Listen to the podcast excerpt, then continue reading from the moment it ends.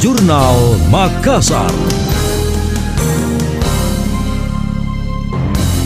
Saya Emil Faris dalam Jurnal Makassar. Presiden RI Joko Widodo kembali mengunjungi Sulsel Selasa 23 November 2021 dalam rangka peresmian bendungan Karaloe yang terletak di Kecamatan Tompo Bulu dan Biring Bulu, Kabupaten Goa. Melansir unggahan Twitter Kementerian PUPR telah menyelesaikan pembangunan bendungan Karaloe untuk meningkatkan jumlah tampungan air di Provinsi Sulawesi Selatan. Bendungan tersebut masuk daftar proyek strategis nasional PSN yang diproyeksikan selesai 2021. Sebelumnya Presiden Jokowi pernah menyampaikan sebanyak 17 bendungan akan selesai pada 2021 termasuk bendungan Karaloe di Sulsel. Menurut Presiden Joko Widodo, dibangunnya belasan bendungan itu diharapkan produktivitas di bidang pertanian akan mengalami pertambahan pasokan air.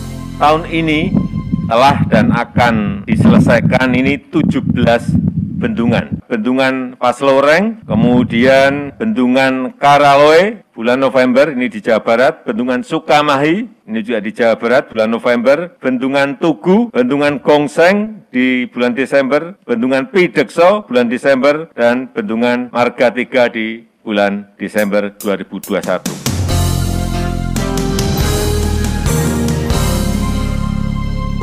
Bendungan dengan kapasitas 40,53 juta meter kubik ini telah diisi air sebanyak 50 persen, sehingga nantinya bisa menjaga kontinuitas suplai air irigasi ke lahan pertanian seluas 7.004 hektar. Selain berfungsi sebagai konservasi air, Bendungan Karaloy juga memiliki potensi sebagai destinasi pariwisata karena di sekelilingnya terdapat hutan sehingga udaranya masih sejuk dan bersih. Dalam kunjungan kerjanya ke Sulsel kali ini, Presiden Joko Widodo juga direncanakan akan melakukan kegiatan panen dan tanam jagung di Kabupaten Jeneponto.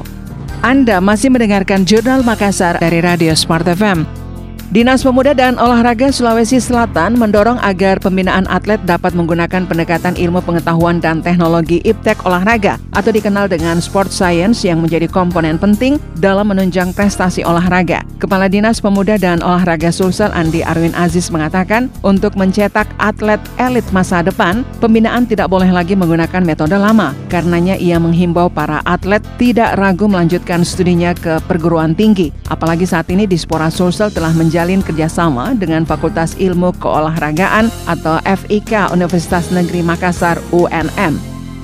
Jadi memang pendekatannya desain besar olahraga ini lebih kepada pendekatan eh, dengan kampus. Diharapkan nanti penerapan pendekatan sport science, iptek olahraga hmm. itu akan dijadikan uh, instrumen dalam hmm. melakukan pembinaan.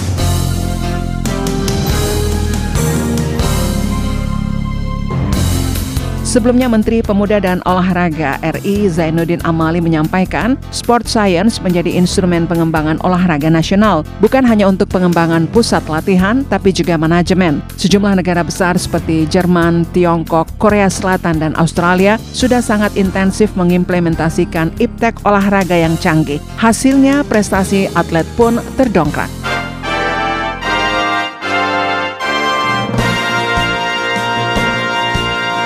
Demikian tadi, Jurnal Makassar.